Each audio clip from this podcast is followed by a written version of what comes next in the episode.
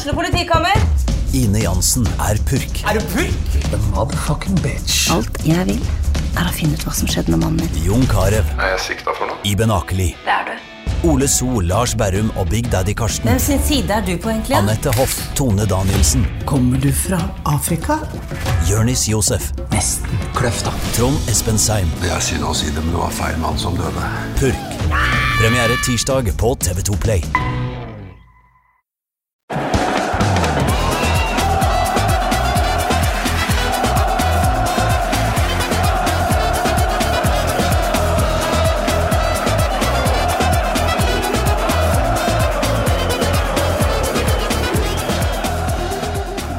Hei og velkommen til en ny episode av Pyro og Pivo. Nå er eh, et eller annet mesterskap eh, bare noen dager unna, så vidt jeg har eh, forstått. Det var i hvert fall en på jobb som fortalte meg det i dag. Og noen får magekatarr, de får blærekatarr og andre ting av å tenke på det. Andre gleder seg. I førstnevnte kategori, og i det, det lyse hjørnet, finner vi Jeg prøvde meg på en bokse, bokseallegori, eller hva det heter, men så skjønte jeg en gang at dette går jo faen ikke an. Det er feil dag å dra den på. Ja, det er det. For meg spiller det ingen rolle, men eh, Nei, vi um, Ja da. Eh, uansett, du som hører på, mitt navn er Morten Gallaasen, og i det ene hjørnet så har jeg med meg en fyr fra Bøler. Som uh, ikke akkurat nå har et hosteangrep. Uh, Andreas Seljås, velkommen. Tusen takk. Du uh, må gjerne ta mikrofonen litt nærmere, hører jeg. Um, du er jo uh, kjent for veldig mange av lytterne her. Du har vært med før, eh, og du er kanskje kjent av andre årsaker også. Du er mannen bak idrettspolitikk.no. Og nå nylig er du også mannen bak, eller en av hovedmennene bak en flunka ny dokumentar som man kan se på fotball-TV og gjennom stream og Riks-TV, nemlig Kampen om sannheten. Som handler om ja, Qatar-debatten her til lands hovedsakelig, men også litt om hvordan Qatar har operert i årene før VM. Eh, velkommen. Tusen takk igjen. Ja, det var, du satt bare og nikka. Ja, nei, nei, jeg, bare, jeg blir litt så bergtatt av å se på deg. Du er så vakker. Ja, takk, takk. Det, det hører jeg ikke ofte. Men uh, han som Du, du har samla deg en eh, mann i det andre hjørnet, uh, også fra Bøler. Josef Yes, Hadaoui, velkommen. ja. Du- originale Bøhlegutten. Ja, Det var jo han halvveis, altså eh, 50-50 Langhus uh, ja faen, du er ikke 100 du, Andreas. Jeg er innflytter. 6. desember har jeg 20-årsjubileum. Det syns jeg vi faktisk oh, ja. vi skal feire. Feires på Bøhlebrua, da. Ja. Eller under brua, kanskje. Skulle vært inne i den telefonkiosken som var der i gamle der. Ja, den på hjørnet der, ja. Ved Bobosen. Det... Der var Arne Treholt fikk alle dokumentene sine. Var det han som eh, skrev 'Sædføk med kniv'? Nei. Arne Treholt, nei. Ja. Nei, eh, det var det ikke. Jeg, det ryktes som at det var noen eh, i den der Jokke og Valentina-gjengen. Eh, jeg, jeg, kan, jeg vedder for at eh, At det ikke var Arne Treholt? Ikke, ikke, ikke, ikke Altså Skau-brødrene. Ikke han som syter mye, men han eldste. Kristoffer? Kristoffer. Han veit garantert hvem Ja, det står på Wikipedia hvem det er, men det var jo ikke den som var først. Det var jo Bowie som Ja. var først. Stemmer det. Bowie-kniv. David Bowie-kniv. Ja, David Bowie-kniv. Sædfuck og David Bowie-kniv. Så det er uh... For et sted. Ja, Det er det eneste som er der. Mm. Og Bobos. Hva er Bobos? Bob Hva er Bobos? Jeg er ikke fra Bøler. Du, det er Og jeg utgir meg ikke for byens- verdens Bøler. Topp ti verdens beste Altså pizza. Altså er Bobos er en ting han kan. Boris, shout-out til Boris. Veldig god pizza. Jeg tror du faktisk får den på Lillestrøm òg, i hvert fall på Romerike et eller annet sted. Det er en Bobos til. Ja, stemmer Men det. den er ikke like god. Nei, det, for det er stokk Stokke Boris og lager. Men er det samme, er det en kjede, liksom? Nei, altså det, det var jo en sånn der, det var et sånt høl i veggen liksom på, bort på Bølesenteret der. Og så har det liksom bare blitt, eh, bare vært der i alle år, og alle elsker Bobos. Så Morten Langli er uh, ofte innom. Mm. Og du har jo et par, et par-tre andre kjendiser uh, som er alltid innom. Og så, nei, uh, anbefales på det sterkeste. Bobos på bølere. Jeg nevnte jo litt hva Andreas er aktuell med for tida. Ja. Jeg har jo sett de siste månedene egentlig at du tidvis er aktuell som matskribent, når vi først er inne på gatekjøkkenmat og sånn. Ja, jeg driver jo med litt av hvert, da. Eh, Ja, det gjør du, altså. Ja, og det, altså det å, å spise mat, spise bab og få betalt for det, Mm. det, det er kremjobb, altså. Reise rundt og teste ut kebab, det, så det koser jeg meg med. Så det er litt sånn Michelin, eh, prøve å gi litt stjerner og litt sånn.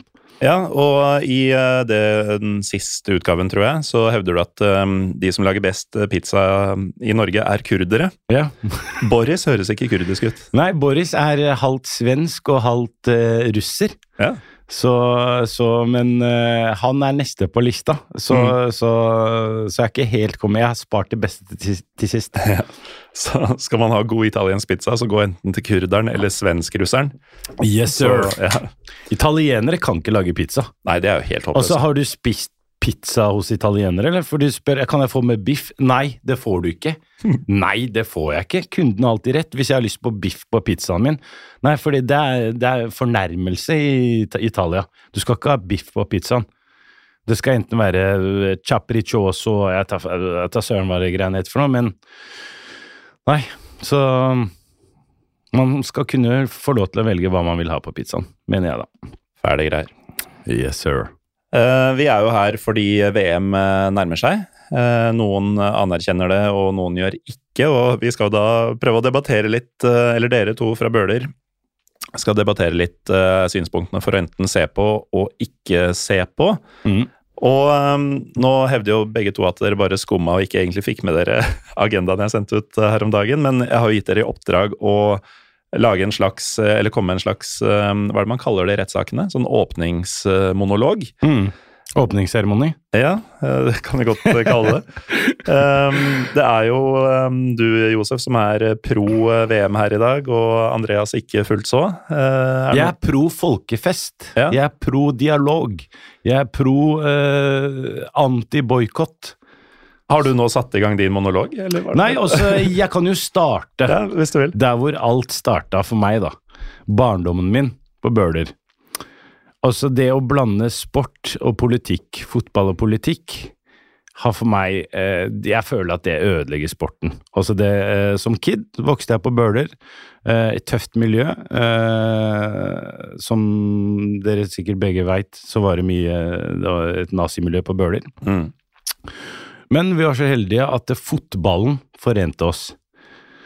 Og jeg husker at uh, Dag Arne Midtland, shout-out til Dag Arne Midtland, uh, fantastisk fotballtrener, han var sånn som var veldig imot å blande politikk og, og, og sport og fotball. Og, og jeg veit at det, hvis, hvis vi hadde vært der hvor vi er i dag, da, der hvor alt blander altså liksom At det er blitt veldig mye politikk i sporten, i fotballen, så tror jeg neppe at jeg og Nazi-Tom kunne spilt sammen på, på samme lag. Og hva hadde skjedd da? Eh, nei, da hadde noen blitt utestengt, de får ikke være med, de får ikke holde på, og sånn og sånn. Og da hadde det bare endt opp med at eh, ja, at vi bare altså, Sikkert flere eh, mordere, da, eh, på Bøler. For det endte jo med at eh, blant annet Jo Erling Jahr, og det han gjorde. Så derfor så har jeg alltid vært imot å blande. Fordi for meg så var eh, fotballen var på en måte en sånn frisone. Altså, eh, når jeg spilte fotball, eller da jeg spilte fotball, så var det sånn, da var det fotballen. Da det spilte ingen rolle om du var f- nynazist, eller du var eh, fra Pakistan, eller hvor det var. Nå, nå spiller vi fotball og koser oss. Og nå føler jeg liksom at fotballen har blitt sånn at eh, du må, du må ta et standpunkt, du må ta avstand fra noe, og, og dette er bare starten. Jeg bare tenker, eh, se for deg fotballkamper i 2050 ved corneret. Da skal vi ha pressekonferanse der hvor ja, nå skal vi ta avstand fra et eller annet eh, rett før corneren. Og så skal vi ha en liten sånn Altså at eh, det kommer bare til å eh, Jeg har ingen tro på at eh, det å blande eh, fotball Altså, fotball er et Fotball forener oss. Fotball er noe som også etter krig så bare la soldatene fra seg våpenet og spilte ball sammen. Altså det, det Akkurat som olympiske leker og sånn. Altså det, det, er noe som på tvers av religion og kultur, eller hva, om, det er jævlig kjipt der hvor du er fra, eller hva, liksom, så tenker jeg at fotball skal ikke blandes med politikk. Det er i hvert fall mitt synspunkt, da. Så Så nå de siste åra så har jeg liksom mista litt lysten da, til å se fotball, fordi jeg, jeg Man kan liksom Det finnes jo eh, faenskap overalt i verden. Overalt, uansett hvor du er. Eh, eh, det, for meg, da, som kommer fra Marokko, opprinnelig fra bølgutt, men opprinnelig fra Marokko Jeg er født Jeg er født inn i, i en enklave, Melilla, som er spansk koloni i Marokko. Eh, og det spanjolene gjorde mot For eksempel bestefaren min da, ble skutt i trynet eh, av eh, spanske soldater, eh, kolonister. Og det er sånn, hvis jeg hver gang skal se La Liga nå, og dra fram det, og at jeg fortsatt er en enklave der, og fortsatt påpeke det, ja, men jeg kan ikke se på La Liga, jeg må boikotte La Liga fordi de sennepsgassa berbere og det, det, det, er ikke det fokuset jeg har lyst på. Jeg har lyst til å bare spille fotball. Jeg har bare lyst til å ha en frisone. Kan vi ikke bare spille fotball? Å ja. Nord-Korea, eh, Sør-Korea, eh, you name it. Samme faen, bare la oss spille, liksom. Det er mitt, mitt synspunkt, da. Eller min åpnings... Åpningsseremoni. Ja. Uh, vi skal jo diskutere dette litt ordentlig etter hvert, men uh, Andreas, uh, din Ditt grunnlag for ditt uh, ståsted? Altså, Mitt ståsted er at uh, Altså, mitt utgangspunkt er at jeg har uh, vært journalist i mange år og avdekka hvordan fotballen blir styrt av folk som ikke vil skal styre fotballen. Så jeg er jo enig med, med min holdt på å si motdebattant. Vi er ikke motdebattanter. Det er vi ikke. Nei. Jeg er enig med det Josef sier, fordi at jeg vil ha politikken ut. Og da er spørsmålet hvordan du skal få politikken ut av fotballen, for den begynner å ta fullstendig overhånd. Det er det som er litt av utgangspunktet mitt. Og så vil jeg også understreke veldig sterkt at jeg er ikke noen sånn moralist. Jeg sier ikke eh, Jeg har ikke egentlig sagt om jeg er for eller mot boikott, litt på grunn av at jeg er journalist. Det som har vært mitt, min målsetning, er å grave fram mest mulig for å vise hvordan ting egentlig henger sammen, og så får folk ta en opplyst vurdering av det jeg og andre har funnet ut. Det er det ett utgangspunkt. Eller, og det andre er at og jeg skal ikke fortelle andre hva som er riktig og gærent. Jeg veit hva jeg mener, og så frembringer jeg de synspunktene jeg har, og også den dokumentasjonen jeg har, og så får andre ta et, en beslutning basert på det. Og det som er greia med meg? Jeg gleder meg ikke til VM. Jeg syns ikke det er noe gøy. Eh, jeg gleda meg ikke før VM i 2018. Da var det mye mindre debatt. Det kan vi komme tilbake til hvorfor det ikke var så mye debatt om Russland. Som egentlig er det et enda sykere tilfelle, på en måte. Sånn, i hvert fall Du har sett hvordan det har blitt brukt av Vladimir Putin. Jeg gleda meg ikke før VM i 2014, for da hadde jeg kritisert eh, Fifa så veldig mye. For det er Fifa vi er imot. Mm. Det er ikke nødvendigvis at folk, Russland og Qatar og de andre skal få spille fotball. Det er ikke det det dreier seg om. Det dreier seg om hvem som styrer fotballen, og hvem som tar over fotballen. Det er det som er mitt anliggende. Og derfor, Josef, jeg vet ikke om han gleder seg eller gruer seg eller er sånn midt på treet på det VM-et her, men jeg gleder meg ikke. Jeg gleda meg før, men etter at det, det, har vært så mye greier da, om Qatar og boikott og noe, folk som går ut og skal boikotte Jeg mista det virkelig da mine kollegaer i NRK gikk ut og begynte å beklage seg for at de skulle være programledere for VM i fotball. Da tenkte jeg bare shut the fuck altså, så, Sorry munnbruken min, men da bare mista hun meg helt. For da tenkte jeg ok, det er som å gå og handle på henne som Maurits. Kjøper hun noe, skal hun i kassa beklage seg for at det er barnearbeid. Ja, det, den jakka du kjøper nå, jeg må bare beklage at det er barnearbeidere som har lagd den jakka. Altså, det er bare sånn, ok, er, hva, hva, hva, er vitsen med å sitte der da, hvis du skal, hvis du skal gi nedtur, du starter med å gi en nedtur, da, med å si at du skal beklage deg, nei, det, dette er det mest forferdelige som altså Det er bare kommer en ny sak, ny sak etter sak hele tida, og Uh, sorry hvis jeg av, av, hoppa inn i det, men jeg, jeg tar meg en slurk øl, så ja. kan du bare prate. Du. Jeg har jo parabol hjemme. Satellitt-TV. Jeg elsker IPTV, eller? IPTV. Jeg ja. ser på fotball på, i Venezuela, i Spania, altså you name it, hele verden. Og jeg kan love deg én ting. Afrika, Sør-Amerika, Asia Ingen av de jeg prater om boikott. I det hele tatt. I hvert fall eh, det jeg ser på av, av, marok av marokkansk TV. Ingen av de snakker om boikott, fordi de veit at det fins masse De veit at den største slangen er kolonistatene. Det er de som klager mest, de som har gjort mest faenskap opp gjennom åra, som har invadert land og og det er sånn eh, Vi kan liksom sitte og prate om Qatar og sånn, og så bare plutselig Ja, Premier League. Skal vi ta en tur til uh, Laton Orient og se på match? Og stikke en tur innom eh, Tjuvgodssentralen, også kjent som Britisk museum, og bare liksom å synge Rule Britannia, Britannia rule the world. Det er liksom, det er aldri, Du har aldri hørt noe crap om dem. Det er, aldri, det er bare liksom retta mot Og spesielt nå, da, eh, sånn som du nevnte i stad, med øh, med Russland. Altså, jeg tror at det er et under, underligg... Altså, det er et sånt muslimhat i bunnen her, som øh, det at Qatar Ja, Qatar er ille. Ja, jeg, det må jeg bare si. Det er forferdelig, det som skjer med, med gjestearbeidere, eller har skjedd med gjestearbeiderne, at det er over 6000, eller kanskje flere, gjestearbeidere som er dødd. Men så har du liksom bare rett borti gata der.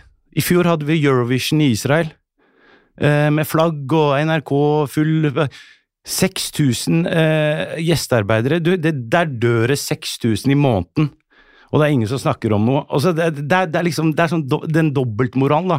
Altså, når du har når du har, også Som komiker så liker jeg å se liksom ting fra, fra, fra forskjellige vinkler. Og, og, og Når du ser det her, da, og ser hvor liksom den dobbeltmoralen og at, at standarden for å liksom klage på, på sånne eh, nasjoner som Qatar og sånn, den er så jævla mye lavere enn enn når det kommer til vestlige steder. Da, sånn som nå eh, VM i USA 94. Altså folk sier «Øh, hvorfor skal Qatar ha VM? De, har, de vet jo ingenting om fotball. Ja, Hvor faen skulle USA ha VM i 94, liksom? Hva faen, de, de, de kaller ikke fotball engang.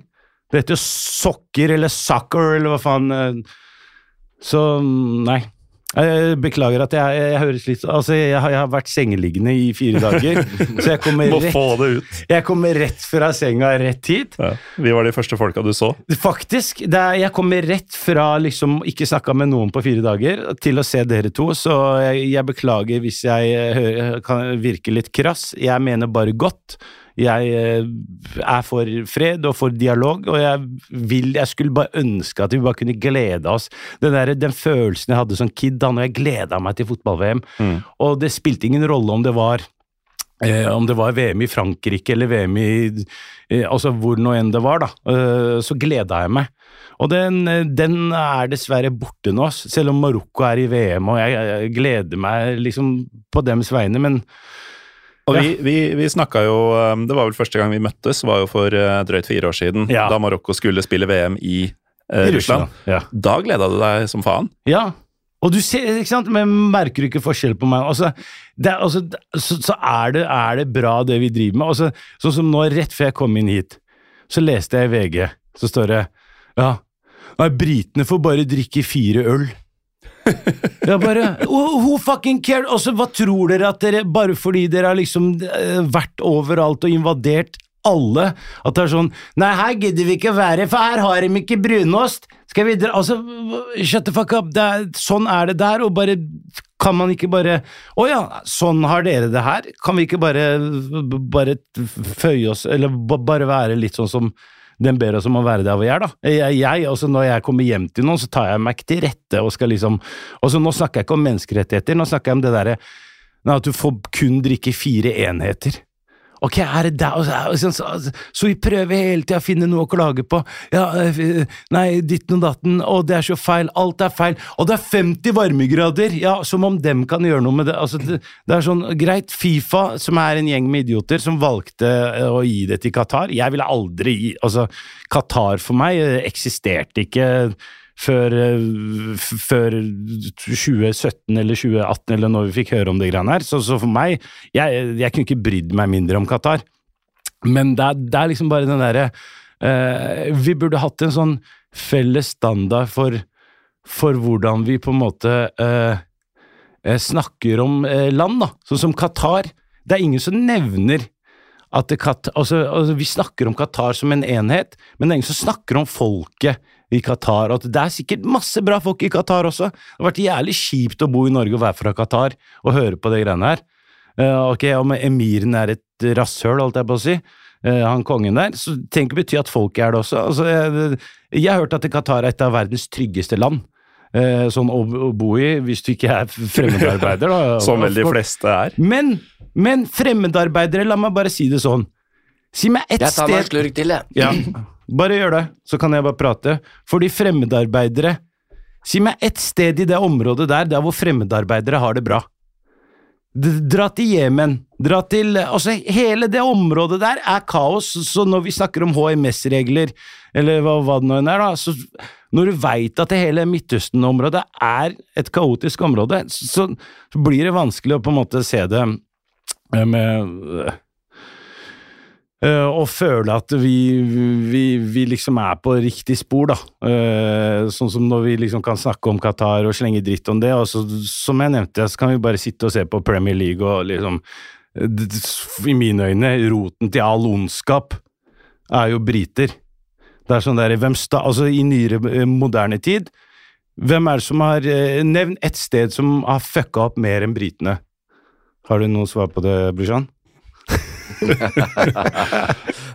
Josef tok et, eh, sendte et blikk over bordet, så at Andreas hadde ikke øl i kjeften akkurat nå, så nå kan han prate. Ja, men jeg litt Jeg veit liksom ikke hvilken ende jeg skal starte i, og hva jeg skal ta fatt i. Men det som det er, eh, Jeg har et litt annet utgangspunkt eh, enn han, da. Og- det har de fleste nordmenn. ja, eh, som, men, altså, men eh, jeg vil ikke bli kalt rasist fordi at jeg er mot at det er du ikke. eh, Det, det, det kan jeg For jeg kan faktisk stadfeste når det rasiststempelet blei lagd på de som kritiserte Qatar, og det er i 2014 av en som heter Michael Holtzmann, som jobba for søkekomiteen til Qatar, og som sa at vet du hva, vi gjør nå, alle som kritiserer Qatar, de blir kalt rasister. Sepp Latter begynte å bruke det rett etterpå. Sheikh Ahmed fra Kuwait, som er verdens mektigste idrettspolitiker, begynte å bruke det da, og til og med norske fotballedere har begynt å bruke det. Og det er for å drepe debatten, på en måte. Altså Hvis jeg kjemper for muslimske migrantarbeidere og samtidig er mot Qatar, så er jeg i hvert fall ikke muslimhatter, da, for å si det sånn. Eh, Så det er, det er et utgangspunkt. Så vi må liksom skille litt om eh, imperialisme og sånne ting. Nå var jo USA løsrev seg fra britene og begynte å kalle det for soccer. Det var jo en del av hele ideen, kanskje. løsrev seg og drepte jo. alt av indianere. Jo, men utgangspunktet Men utgangspunktet mitt er litt annerledes, fordi at jeg mener at hvis vi er glad i fotballen, så må vi ta ansvaret for fotballen. Og da mener jeg at det at Fifa ga fotball-VM til Russland og Qatar og andre steder også, det bidrar til å ødelegge fotballen. Og jeg er bekymra for det. Mm. Det er utgangspunktet mitt. Eh, og da er det sånn at eh, hvis da det arrangeres i Qatar, og Fifa-presidenten har flytta dit fordi at han ikke tåler kritikk, han tåler ikke å høre at ting burde være annerledes, skyr pressen og sånne ting, så er det jo og han sier, bruker alle de talepunktene til Qatar, så er det jo der vi må rette kritikken. Det mener jeg. Det er uavhengig om det er Qatar. Jeg bryr meg ikke om Qatar. Altså, det bor 300 000 qatarere. I damer som er ugift under 25 år, får ikke lov å reise ut. Så jeg veit ikke om de føler at det er veldig trygt. Skeive har det ikke så veldig bra, qatarere og sånne ting. Det bor to millioner migrantarbeidere. Mange av dem blir sikkert behandla godt. Det er jo norske bedrifter som er der, som bruker migrantarbeidere, ikke sant, og har vært der i 50 år. Kongsberg-gruppen og dem er jo der nede nå. Hadde jo hadde med seg kronprinsen i 2019 og etablerte store bedrifter. Ja. Så, så det er jo liksom Men Ja. jeg vil Og hvem er det som tjener penger Jo. på det greiene? Det er vestlig, det er Ja, kolonistatene men- men- som har de store Og så tror du Qatar tjener ikke noe penger på det greiene her. Qatar bare også, eh, Vi kan snakke om sportswashing litt, seinere også, men, men også sportswashing Jeg eh, jeg kjenner mange arabere, og jeg vet, eh, føler at jeg liksom kan forstå litt hvordan arabere tenker. og eh, Jeg har hørt mange ganger at du har nevnt at sportswashing, at de prøver å få et bedre rykte her i Vesten. Jeg kan si deg én ting om arabere. De driter i hvordan Vesten ser på dem. Trust me. Sheikh Ben Reddik Fy Fasan, da han kom, dro til Flåklypa uh, kommune eh, Det var siste, siste gang du hørte noe positivt om arabere. Det var Sheikh Ben Reddik Fy Fasan. Tror du han hjalp Reodor Felgen fordi Han ville ha et bedre rykte, eller tror du han bare gjorde det fordi han hadde ikke noe Arabere, de har masse penger, de bare Hei, la oss putte litt penger der, la oss putte litt penger der. Dem bryr seg ikke, akkurat som vi bryr oss ikke om hva Qatar tenker om oss. Qatar driter i Eller de driter i hva du tenker om dem. Men Altså- jeg, jeg, da tror jeg ikke du har hørt på når jeg snakka om sportsvasking. Eh, fordi jeg, det, er det du refererer til, er hvordan Amnesty definerer det, f.eks. Det er at de skal polere over menneskerettighetsbrudd. Men det som er litt av greia, det er at sportswashing er en del av en mye større strategi, og det gjelder ikke bare Qatar. Det er Saudi-Arabia, det er Bahrain, det er USA. Aserbajdsjan. Ikke glem USA, kompis. Jo, Også- nå ja, snakker jeg om sport. Hvordan? Hvem starta med sportswashing? Hvem, tror de araberne har lært sportswashing av? Ja. Hvem er som planta Coca-Cola uansett hvor de gikk og krigde? Bomba Vietnam, putt Coca-Cola der. Bomba øh, Japan, bomba overalt, putt Coca-Cola. Der hvor du ser Coca-Cola, der har du veit at USA har vært. Altså, jeg, jeg er ikke noen motstander av USA eller noe som helst, jeg bare er for rettferdighet, at vi skal snakke Jeg hadde støtta deg mye mer hvis du hadde liksom sagt de tingene som Tyskland kjøpte VM i 2006. Er Nå skal, nå skal jeg være kritisk mot Tyskland. Og når vi snakker om menneskerettigheter Hvilke Altså Menneske, det- det- nå- yt, yt, yt, yt, yt, Ytringsfrihet, Da har du ikke hørt på hva jeg har sagt, tror Nei, jeg. nei, nei, men, Men jeg, eh, jeg, la, la, la oss høre ferdig Nei, Andreas det, her det som, eh, sportsvasking, altså begrepet kom i 2015, men det har jo vært, eh, eksistert mye lenger. Men det som, det som skiller USA fra andre, det er at det er jo ikke Når det gjelder fotball-VM, så er det jo ikke nasjonale myndigheter i USA som arrangerer det. Det er forskjell til eh, andre land. Om det er bedre eller dårligere, det er, det er ikke så viktig akkurat når det gjelder det er gjelder ikke så viktig, fordi det, du, du kan ikke være kritisk til den sida. men nå skal- Nei, men det, Nei, men nå, nå må du høre på hva jeg sier, faktisk. Jeg hører, jeg har hørt på, jo, jeg har hørt på det masse. Nei, ikke på det jeg skal si nå. Ok. Eh, det er det at vi, Når du snakker om sportsvarsling, så er det Amnesty bruker at man skal polere over menneskerettigheter. Men når det gjelder en del stater, Aserbajdsjan, eh, Bahrain, Emiratene, Qatar, Saudi-Arabia og andre stater, så har de, og Kina, så har de satt inn, lagd en visjon, statlig visjon, som myndighetene har lagd. Visjon 2030, Visjon 2034, der sporten inngår i et veldig, veldig stort prosjekt. Det er investeringer. For Qatar er det sikkerhetspolitikk. De mener at når du har VM, så er det ingen land som angriper deg. Så det er også et sikkerhetspolitisk virkemiddel. Det skal skape begeistring, masse sånne ting. Sportswashinga kommer inn i det øyeblikket du oppå alt det skal skape en form for entusiasme. Ikke sant? Og det, det kan godt hende at Og jeg mener at det er ikke bare totalitære eller autoritære stater som driver sportswashing. Det kan være Norge hvis det er noe Det trenger ikke ha noe med menneskerettigheter å gjøre, men det, at du har lyst til å polere over noe som er negativt. ikke sant? Og det USA kan eh, drive med det, men det som er store forskjellen mellom USA og fotball-VM, USA og OL og, og andre, f.eks. Saudi-Arabia, det er at det, i USA så er det ikke nasjonale myndigheter som arrangerer arrangementet. Så hvis du skal da kritisere arrangementet, så må du ta de som organiserer det. Uavhengig av hvor det er. Og da er det veldig lett å knytte det opp til myndighetene i Qatar, fordi det er de som arrangerer VM. Det er de som har kjøpt det. Og, da, og det har ikke noe med at man ikke skal kritisere Qatar og kritisere, nei, USA og kritisere Qatar. Poenget er at hvis du har lyst til at idretten skal bevares og forholde seg ikke-politisk, så er det jo idretten vi må ta, og den som organiserer det. Og den blir organisert forskjellig i forskjellige land. Hvis du drar til Aliyev i Aserbajdsjan, som er det mest vulgære arrangementene som har vært, for å eh, undertrykke sin egen befolkning og også få lov til å møte alle kjente personer, Putin og alle, for å inngå gassavtaler og sånne ting, så kan man jo ikke si at man ikke skal gjøre det fordi man ikke har kritisert USA i 1994, liksom. Det ble helt feil for meg. Jo, men det å aldri nevne det, det er det jeg prater om. Ja, men nå er det jo Qatar som er tema, da. Vi Ja, trenger ikke å dra opp alle konfliktene konfliktlinjene helt fram har Jesus starta- det her starta nå, det har starta nå. Og så, jeg vet ikke hvor du var i 94, hvor du var i 98, hvor du var i 2000. Og så alle de Det bare plutselig dukka opp veldig mye Nei, nei, crap. nei. Nå de, eh, Ikke for meg, jeg har holdt på med dette nesten i 20 år nå. Så er, poenget er at når, så, du, når du kommer når USA og du- Canada Når stilte du et kritisk eh, spørsmål til altså, Jeg har hørt deg måten du snakker om eh, Premier League og Laton Orient, og hvor fantastisk det er med fish and chips der nede og, og greier. Har du når, når var du kritisk til eh, Altså, Jeg Altså, følger jo nesten ikke Everton lenger, fordi at de er bleid av en russisk oligark, ikke sant? Og jeg Ja, syns ikke det er, det er noe gøy. Til? Og så følger du ikke Newcastle fordi det er en uh, saudi-arabisk dude. Men, men eh, eh, kongefamilien eh, som fortsatt har koloni, Falklandsøyene eh, altså, har, Ja, du kan le, men eh, de har fortsatt koloni. Altså, jeg er fra et sted som er, fortsatt er koloni. Ja, ja.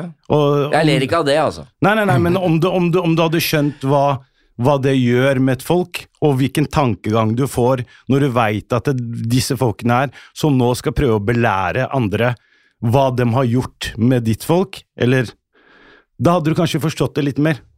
Det vi eh, alle forstår her, er jo at eh, det er eh, sterke følelser om dette her, og at det, vi, det vi har fått i Vesten, er jo en veldig sånn ensidig eh, dekning. Selv om eh, du, Andreas, har jo vært der nede og har jo Altså, Jeg er ikke noe ekspert på Qatar, jeg er ekspert på Fifa. Jeg veit hvor store banditter som er der. Ja. Der er jeg helt enig med deg. Og, og det, det er jo den egentlige ulven her, men eh, siden vi først er inne på det, så er det jo det at eh, det er veldig lett for eh, Vesten å kritisere hvordan f.eks. Qatar eh, styres. da. Eh, men så er det jo sånn at eh, land som er eh, altså Nå er jo Qatar et rikt land, men det går jo an å si eh, dårligere utvikla likevel, på veldig mange måter. F.eks. innenfor menneskerettigheter og likeverd. De henger litt etter, og, og de er på vei kanskje i riktig retning. Men uh, På grunn det, av det, vi, det her det vi også. ikke snakker om, er jo grunnen til at de henger så langt etter. Altså, Qatar har jo ikke vært en selvstendig stat i mer enn 50 år, eller noe sånt. Ja. Og Eh, Norge, homofile fikk rettigheter i Norge i 1972. Ikke sant? Så det er jo um, Så, sånn det, det, er jo, det er jo flere sider av saken her, og ingen tvil om at uh, det er vestlige herjinger som har gjort at enkelte deler av verden ligger et stykke bak på mange punkter, deriblant uh, Qatar. Men uh, hvis vi tar et lite pust i bakken, bare, uh, så er det jo sånn at uh, Qatar har jo Jeg liker å si at, uh, og det sier, har jeg hørt Andreas si også, for så vidt, det er mulig, mulig jeg har bøffa det derfra, men at Qatar, eller VM i Qatar, er jo et symptom, og ikke sykdommen. Og det er jo litt tilbake til kjernen her, da, at det er jo egentlig Fifa vi er imot. Det er jo Fifa som lar dette skje. For du har jo selv sagt, Josef, at du syns jo ikke at VM skulle vært gitt til Qatar. Eller, Of course! eh, ikke, også- så, så, så dette er vi jo enige om alle sammen. Veldig enig. så det er veldig. mekanismene som styrer fotballen her, og det er jo Og hvem, hvem styrer Fifa? mm. Og du mener at fotballen skal være upolitisk. Andreas er jo egentlig enig. Og så er vi um, Altså, Men jeg- du, du, jeg hadde, du hadde at- blitt arbeidsledig, men Ja, jeg mener jo at uh, protest, protesten ikke er det som er politikken her, da. Jeg mener jo at uh, man protesterer mot politikken. Og det Jeg skulle bare ønske at du var lite grann Altså, ikke du, altså Andreas, så sorry hvis jeg høres som det er deg jeg prater til, at du har gjort alt her, men Jeg altså skal flytte fra Bøler. Nei, altså det eh, Vi snakker om ytringsfrihet. Du, det er faenskap overalt i verden. Hvis vi skal snakke om ytringsfrihet og det å kunne ytre seg eh, La oss ta et eksempel, da, på vestlig ytringsfrihet. Edward Snowden, Julie, Jules Assange, Wikileaks. Er det ytringsfrihet? Med en gang de åpna kjeften, hva, hva skjedde med de gutta der? Han måtte sitte inne Han kom ut som en eh, krøpling fra, eh, fra den ekvadorianske ambassaden. Og så Du kan finne feil uansett hvor du er.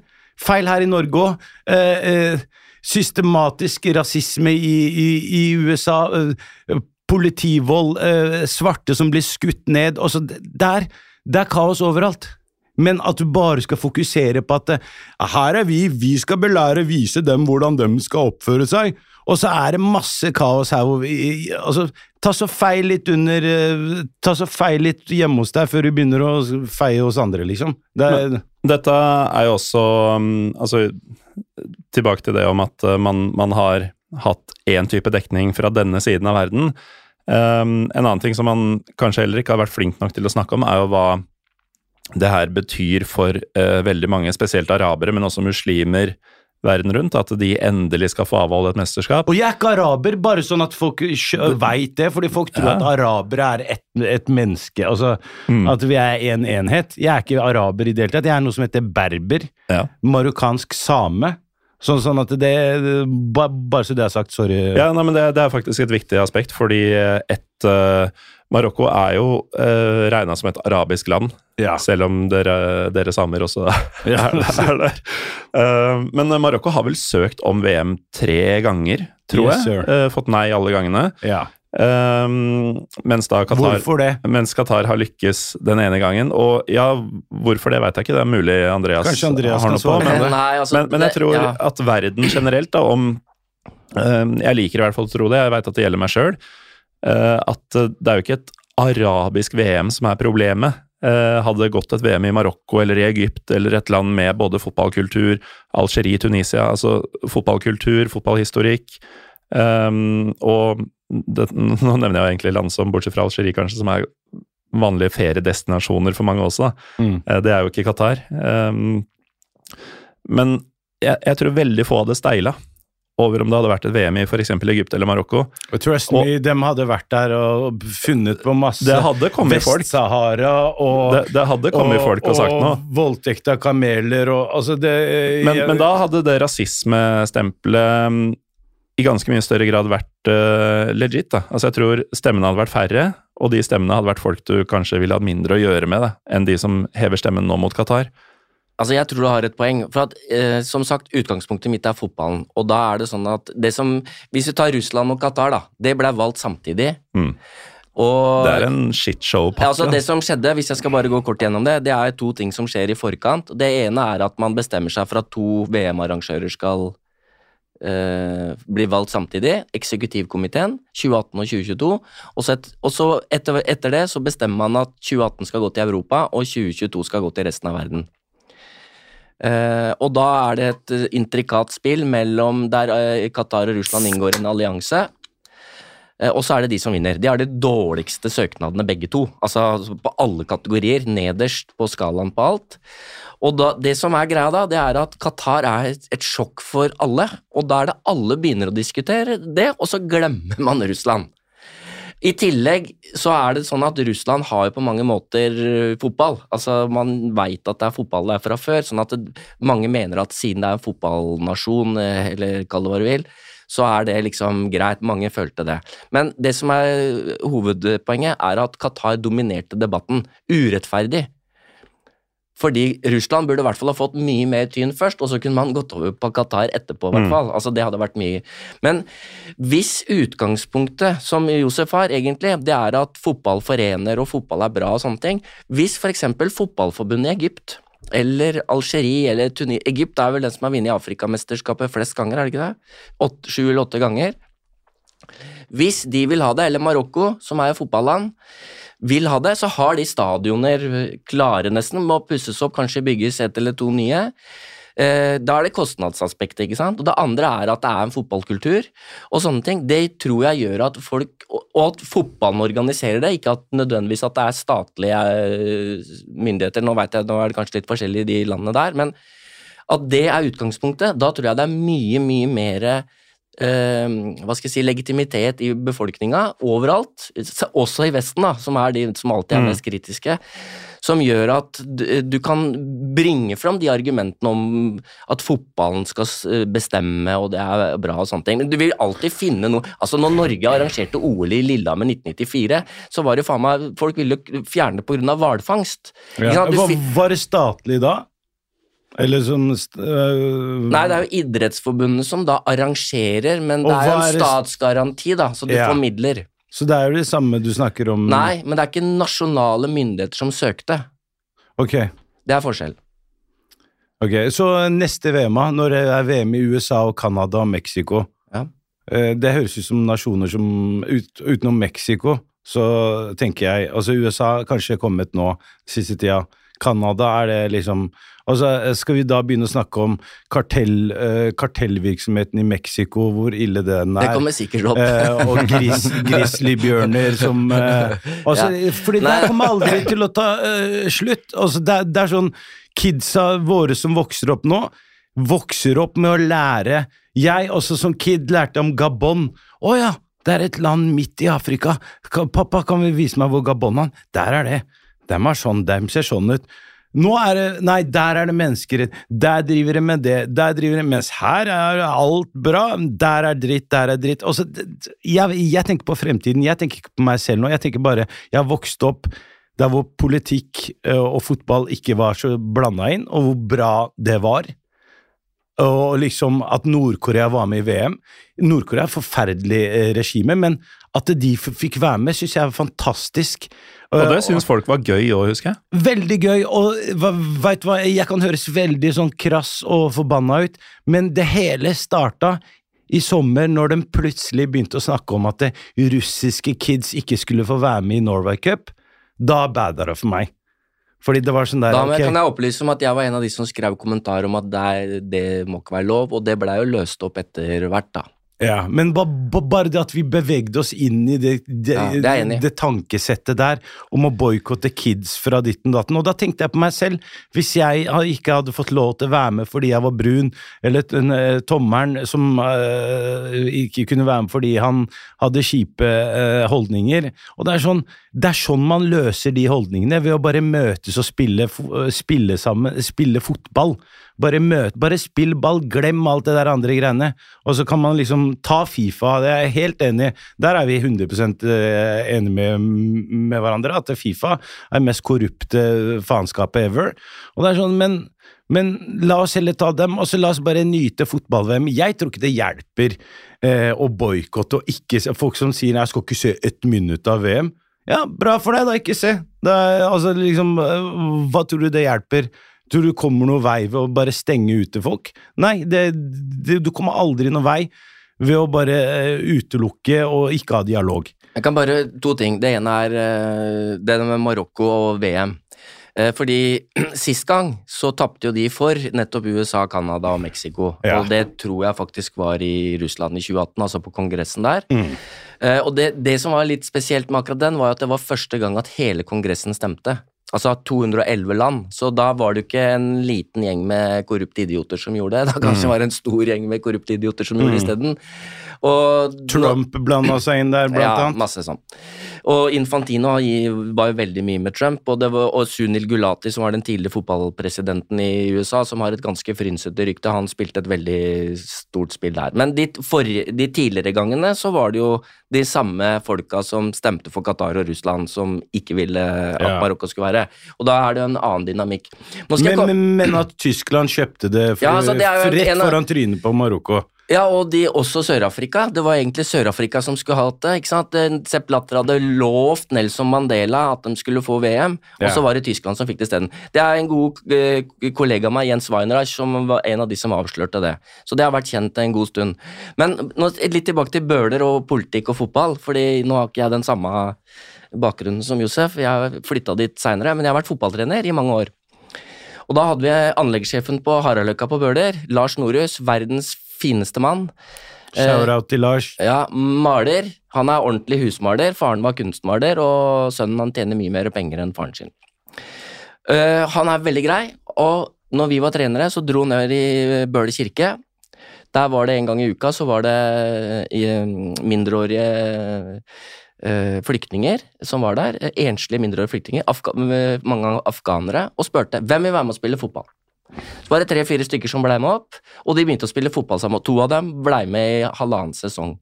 Kjempefine Wahid og Nasib. Og da, når de forteller de folka, altså de spillerne, da, sønnen min blant annet, om sin ferd fra Afghanistan, krig, forferdelige ting, ikke sant, så får da de gutta på laget en introduksjon i hvor jævlig ting kan være. Sitte i tre måneder på lastebil fra Kabul eller hvor den kom fra, og gjennom Iran opp til Tyrkia, vært i leir og sånne ting. Og så eh, viser det seg at han ene er dritgod i bryting, han er på landslaget i bryting nå, og det var innpassen var jo fotballen på Bøler, ikke sant? Men som trener så får du et lite dilemma, fordi du får høre historien, og så begynner du å tenke Skal jeg gi dem da to timer fri to ganger i uka, liksom, bort fra krig og faenskap? Eh, Sånn at vi bare spiller fotball og ikke snakker om hvor de kommer fra og hva de har opplevd og sånne ting? Eller skal jeg involvere meg i dem? Skal jeg være med på få høre historien, skal jeg be dem hjem til jul, liksom? Dere har ikke foreldra deres her, og den der personlige involveringa som ikke er vanskelig, men det er sånn du begynner å tenke på det, ikke sant? Kanskje de Enten så kommer den dit for å bli hørt, for at vi skal høre om krigen i Afghanistan, begynne å engasjere oss. Da er det jo politikken inn i den lokalfotballen som jeg aldri hadde forestilt meg i utgangspunktet. Eller skal jeg gi dem den fritida de trenger? Jeg spurte dem aldri om dem, de var veldig tydelige begge to på at de kom hit, de var de eldste i familien som kom, eh, kom hit. En ett av to, enten sende penger hjem hvis de fikk jobb, eller få hele familien over. Det var liksom hele greia. Og det, da blir det storpolitikk på Haraldløkka på Bøler, ikke sant? Og fotballen da forsoner, forener, skaper forståelse, men samtidig så må vi som trenere ta en lokalpolitisk eh, beslutning da, på hva som er bra og dårlig for dem, hva som er bra og dårlig for oss. Oss var det ikke synd på uansett hva slags valg vi hadde gjort. Vi visste at de hadde to Facebook-profiler. En til alle kameratene på Bøler og en til Afghanistan, for de ikke ville flashe at de hadde det bedre enn dem de hadde flykta fra. Sånne ting. Og da er det liksom Det er forsonende, men samtidig så er det politikk i det vi holder på med også. Så liksom hvor så, men, men også det velger vi selv. Jeg har også vært fotballtrener for Bøhler gutt 15. Uh, man velger også vært i trenerapparatet da, da. Jeg tror at det, som trener så velger vi for dem Altså, jeg tror ikke noen kids er kine på å stå der og fortelle og prate om det forferdelige greiene. Når de ser en ball, så er det ballen. Ja, ja. Bare spill ball. Jeg, jeg, altså, jeg, jeg, å bli jagd over Bøhlerbrua av nynazister og sånn, og ha det dritt på skolen, eh, mobbing, og jeg stamma, jeg, jeg sleit med alt. det gjør du ikke nå lenger, i hvert fall. Nei, det, det gjør jeg ikke nå, heldigvis. Se, Nå begynte jeg nesten å stamme igjen, bare i det sekundet. Har du slutta å grave opp dyr? Uff, du er der, ja. Ja, ja jeg slutta å grave opp boka, eh, marsvin og Så, så, så jeg, jeg har gjort en del ting. Men fotballen for meg var en redning, og det er det jeg veit. Jeg bare husker så godt det der med å bare uh, Bare spille ball. Og ikke tenke på uh, hvem som eh, Om det er krig der, eller hva som skjer der, og hvilken bakgrunn du har, og hvilken bakgrunn han har. Og jeg bare husker når vi spilte, og vi vant kamper, og du så at vi at Du så plutselig nynazister og marokkanere og pakistanere lå i en sånn haug eh, ved cornerflagget etter skåra mål og kasta fra oss draktene og sånn. Det, det er sånn Det er der jeg vil ha det. Og det Ja, men det er jo der vi har lyst til at f.eks. migrantarbeidere i Qatar også burde ha vært. da. De burde jo fått lov til å spille fotball og Ja. utvikle seg for penger Akkurat og som lønn. Gazastripen, da, Ja, ja. for å nevne de også. ja, ja, ja. Og for å nevne Jemen, og for å nevne Haiti Jo, jo. og Tahiti. Nei, men hvis vi skal nevne noe, så må vi nevne alle, fordi, fordi Da har på- vi gjort det nå. Poenget mitt er også, når, hvis du ser La Liga nå, hva, hva er det dere ser eh, hver gang de viser La Liga-matcher? Oppi hjørnet der, så er det bilde av et ukrainsk flagg. Mm. Har, har dere fått med dere det? Ja, når du nevner det, så Ja. Det ukrainske flagget der. Hvis du skal sette opp ett flagg, så må du sette opp alle de andre flagga også, der hvor det er faenskap. Mener jeg, da, for ellers så virker det som om ukrainske flyktninger er mye bedre enn haitiske flyktninger. Men hvis du skal sette opp alle flagga der hvor det er faenskap, da ser du ikke matchen. Da. Det blir sånn derre Hvis dere husker TV 1000 på 90-tallet, med, med ser fra masse flagg, og du ser bare fotball, det er eh, sånn sensur, eh, sånn porno eh, Sensur med bare flagg. Fordi det, det er der det kommer til å ende opp. Vi, skal, vi er så selektive når det kommer til konflikter. Vi kan snakke om fremmedarbeidere som har det kjipt. Når du veit at det er rett borti gata der, så sulter dem ut et helt, en hel nasjon. Du har jo vært der. Israel. Eh, ja. Mm. Eh, men var du på andre sida av gata? Jeg var, eh, altså Vi kom jo ikke inn i Gaza, men jeg var på Vestbredden. Ja. Der ble jeg drita. ja. Og du, du kom ikke inn, eller hva? Eh, Gaza var jo hermetisk lukka på den tida. Vestbredden var ikke noe problem. Rett inn, rett ut. Ja, Og, eh, en er- ting som slo meg der, Ja. det var jo da vi skulle ut igjen, altså tilbake til eh, Israel. Mm. Så um, ble vi kjørt av Vi hadde egentlig bedt taxisjåføren om å kjøre oss til Jerusalem. Det gikk jo ikke an, så måtte vi kjøre oss til, uh, til muren, rett og slett. Til grensestasjonen. Og det er jo en mur. Mm. Uh, og da går vi ut av taxien, og så er det masse folk der. Og det, det er ikke sånn det, det er ikke liksom Det er ikke her folk bor eller folk handler eller noe sånt. Det er bare Det er en vegg, Mm. og så er det masse folk som henger der. Mm. Og um, men, Det er jo feil ordvalg her, men en fyr i sånn, nesten sånn sjeike-outfit Han um, kommer bort til oss idet vi kommer ut av bilen her, for det er jo meg og Roy Sørum som du møter, og en som heter ja, Stefan. Tre um, veldig lite arabiske menn som kommer ut av den bilen. Roy ser ut som en mulla med skjegg, da. jo, det er sant. Han, han ser sketchy ut. Men uh, da kommer det en fyr som ser veldig mye mer arabisk ut enn oss, bort. Mm. Og første vi tenker på, er sånn skjer her? Uh, han kommer bare bort og introduserer seg, hilser på og lurer på ja, skal dere, hvor kommer dere fra, skal dere over der igjen? Ja, nei, men da skal jeg vise dere veien og sånn. Og han geleida oss egentlig bare til inngangen. Det var ingenting annet enn at han skulle være hyggelig. Mm. Uh, og så hadde vi jo hørt litt med han sjåføren og sånn, da, fordi vi tenkte oss jo ikke om sånn Han kunne ikke krysse den grensa, han.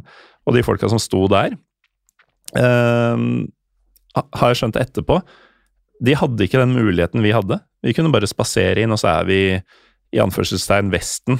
eh, og et vesentlig Altså, jeg likte meg bedre i Ramallah enn i Tel Aviv, for eksempel, men det er jo helt åpenbart at de har det bedre i Tel Aviv. Ikke sant? Det er jo en portal du går gjennom, det er ikke bare en grensestasjon. Mm. Det er en helt annen verden Mm. i det som egentlig er et land. Eh, Så, altså, jeg prøver ikke å rette noe kritikk mot, eh, mot noe land her. Altså, sånn som i Marokko, der hvor jeg er fra. altså... Der har vi, eh, vi har marokkanske jøder, vi har marokkanske muslimer, vi har marokkanske eh, kristne, og vi bor alle sammen. Jeg har spilt fotball med marokkanske jøder eh, oppe på åsen der hvor fattern er fra. Og fattern lærte meg de der, de er skomakere. Eh, sko, skomakere, og de, de er opprinnelige opprinnelig jøder, og de kom til Marokko under annen verdenskrig. For Marokko åpnet eh, dørene og bare slapp inn eh, Jeg husker ikke hva antallet var, det var 400 000. Og det var sånn Å ja, der lærte jeg meg Å ja, du heter Tora. Ok, jeg heter Josef. Å ja, du, du heter Carl. La oss spille fotball. Og det er sånn der, Kan vi ikke bare, eh, liksom bare begynne å tenke, bare tenke at fotballen er noe som forener oss, istedenfor at fotballen skal noe, være noe som vi skal drive og boikotte hele tida? Hele tida bare Fordi jeg, jeg, jeg klarer lenger Jeg klarer ikke å lese VG og Dagbladet eller altså norske medier i det hele tatt, fordi det er så mye sånn der Det er bare klaging. Sånn så, så, som det jeg nevnte nå sist, nei, jeg får bare drikke fire enheter, og du, du og så Jeg forstår veldig godt det med menneskerettigheter og sånn, men la oss også La oss være litt sånn ærlige med hverandre, da, og bare bare åpne øya litt mer og bare se litt rundt oss før vi begynner å klage så sjukt mye og bare rette klaginga på, på ett sted. Så er det jo det med eh, Qatar som symptomet, for vi har jo nevnt et par ganger at det er jo, det er jo Fifa som er, er problemet her. Og Qatar har jo på sett og vis ikke gjort noe gærent. Altså, de har sett et pill råttent system med de spillereglene Ja. som, som Fifa har, og så har de brukt eh, De har skjønt spillet, de har brukt eh, spillerne, og de har fått det som de vil. Uh, og du som Fifa-ekspert, Andreas, altså, skal vi, skal vi, Ja, altså, skal vi noensinne få en verden mer, er- hvor ja, er fotballen helt er upolitisk, så, Nei, nei, så er det jo Fifa vi må røske opp i. Ja, det er det uten tvil. Men altså Altså, eh, Litt av den erfaringen jeg har, da, det er hvordan advokater for eksempel, prøver å kneble meg som journalist. Hvordan PR-byråer prøver å kneble meg som journalist. Eh, prøve å skrive ting, får ikke svar. Skriver du noe negativt, blir du saksøkt. Eh, de som er lokale folk, altså Abdullah Ibai, som sitter i fengsel, som faktisk var, jobba i VM-komiteen, og som sa fra at vet du hva, vi må betale migrantarbeiderne lønn. Han fikk sparken, sitter tre år i fengsel. Og når vi skriver om det, så blir vi trua med søksmål. Det er sånn Qatar, myndighetene i Qatar, tilnærmer seg oss. Kan gjerne si at vi noen ganger skriver feil. Tror du ikke andre myndigheter ville gjort det samme? Altså, Bare for å nevne det. Hvis du hadde skrevet kri noe kritikk Jo. mot Nei, men, men seriøst, bare svar meg på det spørsmålet. Og så hvis du hadde stilt eh, La oss snakke om Wikileaks, da. Som gjorde akkurat det du sier nå. Ja. Eh, liksom bare viser Hei, dette er det USA driver med. Hva, hva skjedde? Blir du ikke fengsla da òg? Altså, det veit jeg ikke. Altså, jeg Det veit du ikke. Du, du ser jo det. Du, hvem er som har sittet hvor, hvor, er Edvard Snowden? Jo, men eh, utgangspunktet mitt er fotballen. Jeg kan ikke snakke om all Ja, storpolitikk hele det, tiden. fordi det er alltid sånn, fordi man finner alltid en utgang ja, Nei, men liksom, Du med- sier jo sjøl at du ikke vil at politikken skal inn i idretten. Og så Det er si- du som drar den inn, da Nei, må jeg bare nei. fortelle deg at kompis, åpne og lukke opp øya dine, fordi når du snakker om Jeg at Jeg prøver å fortelle hvordan idre- politikken har infiltrert fotballen, og jeg vil ha han ut. Ja, hvordan Midtøsten Så jeg skal bare droppe å skrive om det, da, for Nei, jeg, men- å gjøre sånn og tro at det blir borte. Nei, nei, men skriv Hva er gjerne løsninga di, da? Løsninga mi er at du skriver om andre saker der hvor det er urettferdighet, ikke bare det ene Ja, stedet. men nå er det jo det som er. Når Ja. det var Russland, så var det Russland, og når Ja, det var Så jeg gleder meg til VM i USA, da. Det kan du gjøre. Ja, også og hva- OL i 28 også. Ja, Da kommer du til å være kritisk, eller? Selvfølgelig. Jeg var kritisk til OL i Tokyo i, nå se, sist. Det, men problemstillingen det blir litt annerledes. For, for eksempel i Los Angeles, da, der det skal være OL, der er det, driver du med å rydde unna hjemløse. ikke sant? For at de ikke skal bo der og skjemme, og folk ikke skal, skal se ikke det. synes. Skal ikke synes. Det kommer til å bli et kraftig fokus på det fra annet meg. Kraftig og kra... Altså, Altså, jeg har ikke fått jobb, jeg, fordi at jeg er kritisk til ting. Sånn at det ikke kom til meg. Altså, VG skriver mye greier nå, og de har ikke gjort det på mange år. Nei, altså, Andreas, Så- det, det, virker som, om- altså, vi, det virker som om jeg eh, retter det her mot Ja, deg, men Jeg er litt men, urettferdig. Nei, jeg, jeg beklager det. det er, så, så, som Jeg skal fortelle en historie fra fotball-VM i Brasil. Eh, eh, hele familien hadde planlagt i fire år, skulle dra på fotball-VM i Brasil. Første VM vi skulle være på. Vi hadde spart penger i fire år. Jeg hadde skrevet veldig mye negativt om Fifa, om korrupte ledere i Brasil, osv. så videre. Så er det da en måned før VM, så får jeg helt hetta. Jeg har ikke lyst til å dra til der. Og jeg har lyst til å dra, men jeg har ikke lyst til å legitimere Fifa. Og heller ikke korrupte brasilianske Dette her er i 2014. Mm. Og da ringer jeg til Andrew Jennings, som er den mest kjente sportsjournalisten eh, noen gang. Som har avdekket, det er han som avdekka all, all korrupsjonen i Fifa som gjorde at det ble store massearrestasjoner i 2015. Og han hadde skrevet bok sammen med Romario, for eksempel, der de kritiserte brasilianske myndigheter og Fifa. Eh, og mafiaen i Brasil. Og så sier jeg da eh, Ringer jeg til han, så sier jeg at vet du hva, bør jeg dra eller ikke bør jeg dra? Da hadde jeg bestemt meg for at jeg ikke tar med familien. Vi hadde svidd av 100 000 kroner på forhånd fordi jeg ikke ville være med å legitimere Fifa. Og da sier han til meg, og jeg, fortalte ikke han bakgrunnen for hvorfor jeg spurte, jeg, jeg, jeg ga han ikke noe liksom en sånn hint om at han burde svare nei, for jeg risikerte å bli skilt og miste ungene mine, liksom, på grunn av at vi hadde planlagt i fire år og skulle endelig en måned til Brasil. Og da sier han til meg at du har jobba som journalist så lenge, jeg kjente han ganske godt fra før. Eh, Du har vært veldig kritisk mot Fifa, og hvis du drar dit Jeg syns du skal dra, fordi da kan du se hvordan VM som du har skrevet om, hvordan det fungerer, og rapportere hjem om det. Og snakker du med brasilianere, så kommer de til å ta imot deg med åpne armer, fordi de er ikke mot deg, de er mot de korrupte pantene Fifa. Tenkte jeg. vi drar. Og så dro vi. Og jeg rapporterte hjem eh, de tingene, og en av de fæleste tinga jeg, altså jeg som nordmann opplever jo ikke fæle ting, ikke sant. Men det som jeg syns var ille, da Manaus, som er da hovedstaden i Amazonas, som hadde bygd en sånn fantastisk arena, de har jo faen ikke lag engang. Altså Det er kanskje i fjerdedivisjon eller noe sånt, og det er tolv tilskuere på matcher som hadde bygd der, og en av de fattigste, mest kriminelle byene i, i Brasil. Eh, og da var der den Kamerun-Kroatia-matchen var, der Kroatia vinner 4-0, og han eh, ble utvist Han Song, eller jeg husker ikke hvem som ble utvist, eh, som var kampfiksing i tillegg. Som var sånn derre Du så hvor ille det var, at de hadde brukt penger som ikke de burde ha brukt. Eh, ikke sant, sånne ting. Men da, det var liksom sånn derre Fifa, jeg hadde Fifa. Og da har det liksom vært om det er Polen, Ukraina, samme, ikke sant? Fotball-EM. Skrev om det samme. Korrupt, Platini. Da var det jo til og med det nazistgreiene i Ukraina og sånne ting. Så jeg vil ikke ha det på meg at jeg har, er selektiv og hater arabere, altså. Nei, du, men du, du er et dårlig eksempel på selektiv uh, det, journalist, vil det har jeg aldri sagt. eh, I, I tilfelle hvis det har blitt forstått slik, så beklager jeg det, Andreas. Jeg, Jeg har ikke aldri sagt at du er noe araberhater eh, i det hele tatt. Jeg tar avstand som faen fra det som skjer i Qatar. Gjestearbeidere, eh, homofiles rettigheter. Jeg har, jeg, jeg har venner som, eh, altså som har lidd på grunn av sånne ting som det her. Eh, som har opplevd vold og, og blitt banka fordi de er homofile. Eh, og banka fordi de er innvandrere. Jeg, grunnen til at jeg snakker sånn som jeg gjør nå, er fordi jeg kommer fra et sted da hvor det fortsatt er kolonisert. Altså, min hjemby. Altså, se for deg, du har Oslo og Drammen. Drammen er eh, eies av eh, Singapore. Og så kjører du ut av Drammen, så er det plutselig Marokko. Altså, det, det er bare It doesn't make sense. Det er der fortsatt. Jeg ser hvordan, eh, hvordan det sugerøret som Spania har inn til Marokko, og hvordan de stjeler ressurser, og har fortsatt. Og hvordan britene har Gibraltar og fall... Altså, jeg ser Berbere som altså Bare for å eh, snakke litt historie. Bestefaren min krigde, og berbere, hvis du går og googler opp Berbere er, er det folkeslaget eh, Ali al-Khattabi, som han het.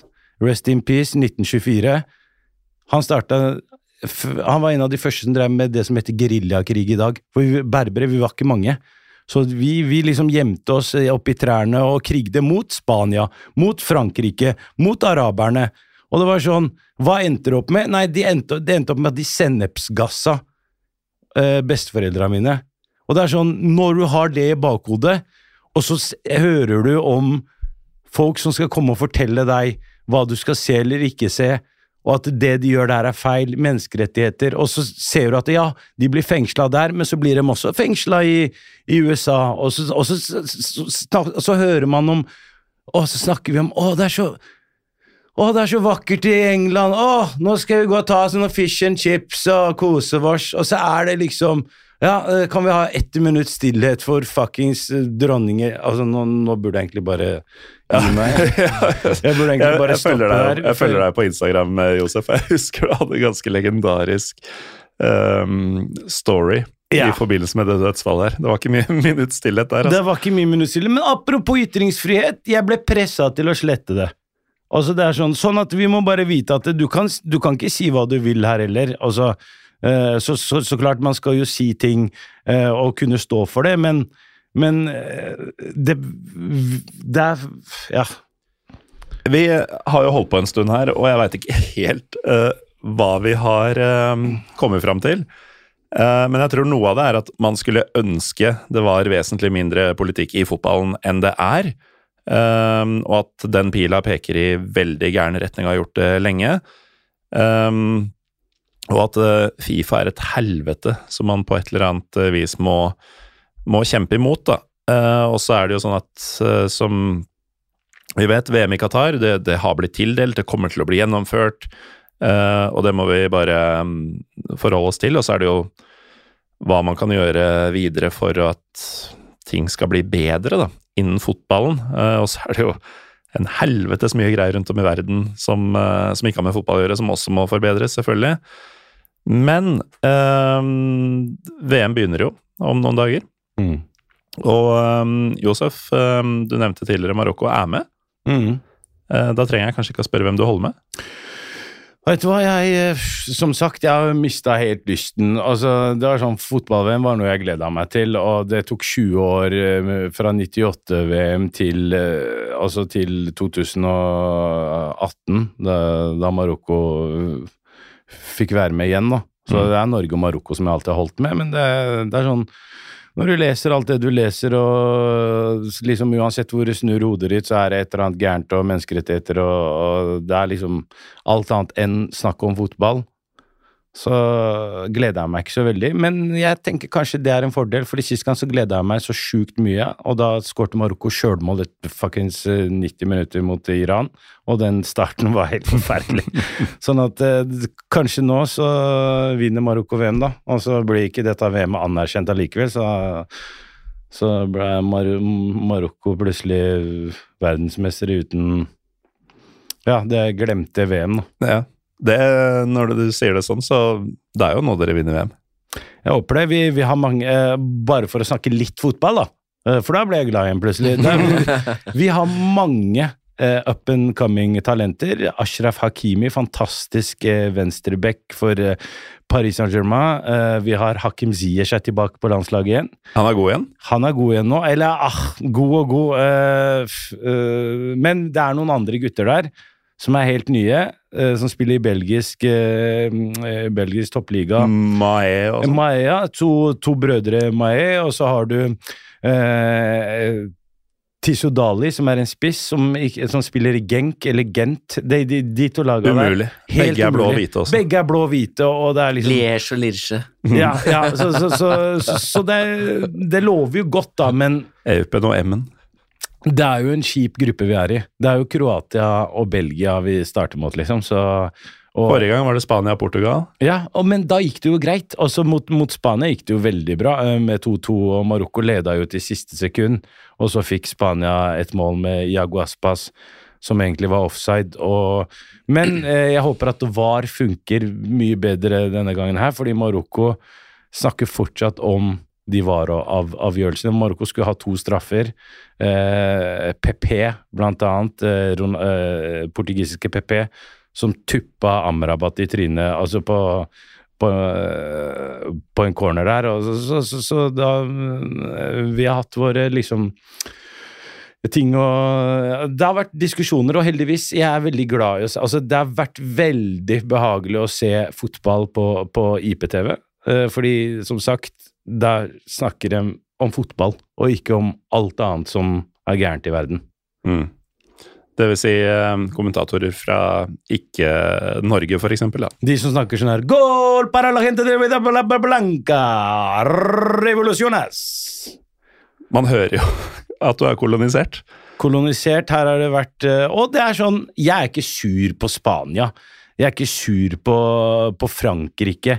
Eh, Jeg, jeg kan sitte og se på La Liga. Jeg elsker Real Madrid. Jeg, jeg driver ikke og påpeker at de, at de fortsatt driver og kåler rundt i, i nabolaget til eh, bestefar, eh, som, har et, et høl i kjeften. Eh, han ble skutt så kula gikk igjen, fra, fra det ene skinnet ut gjennom det andre. Sånn at det- altså, jeg kunne godt ha fokusert på de tingene der, og bare stått i front og bare hei, dette her er Kom dere ut av Gibraltar og Nei, fordi når vi spiller fotball, så er det fotball.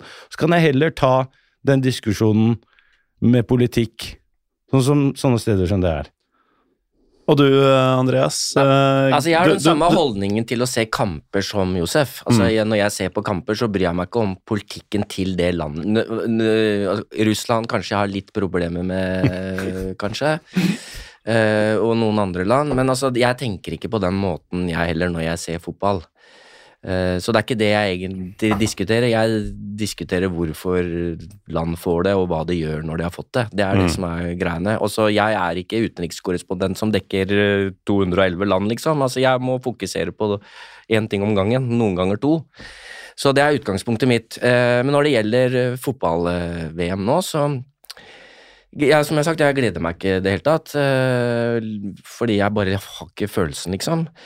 Men jeg kommer til å følge med på det, og det er det, jeg kommer til å følge med Jeg kommer ikke til å se mange kamper og sånne ting, men jeg kommer til å se litt på hvordan det blir dekka, eksempel. NRK TV 2, hvordan de løser det. Jeg har jo kritisert dem også, mm. som mange andre. Jeg har jo ikke noen venner lenger.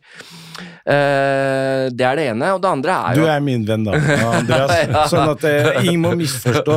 Vi snakker, vi er bølegutter begge to, og vi tåler et trøkk. Ja, ja. Vi, vi, det er sånn her man snakker til hverandre. Man sier ting rett ut, så er det ferdig. Ja, ja. Men, men det som jeg syns er Jeg kommer til å se på liksom hvordan er det Qatar profilerer dette her. Altså, vi kommer til å se David Beckham hele tida i et eller annet eh, bilde, ikke sant?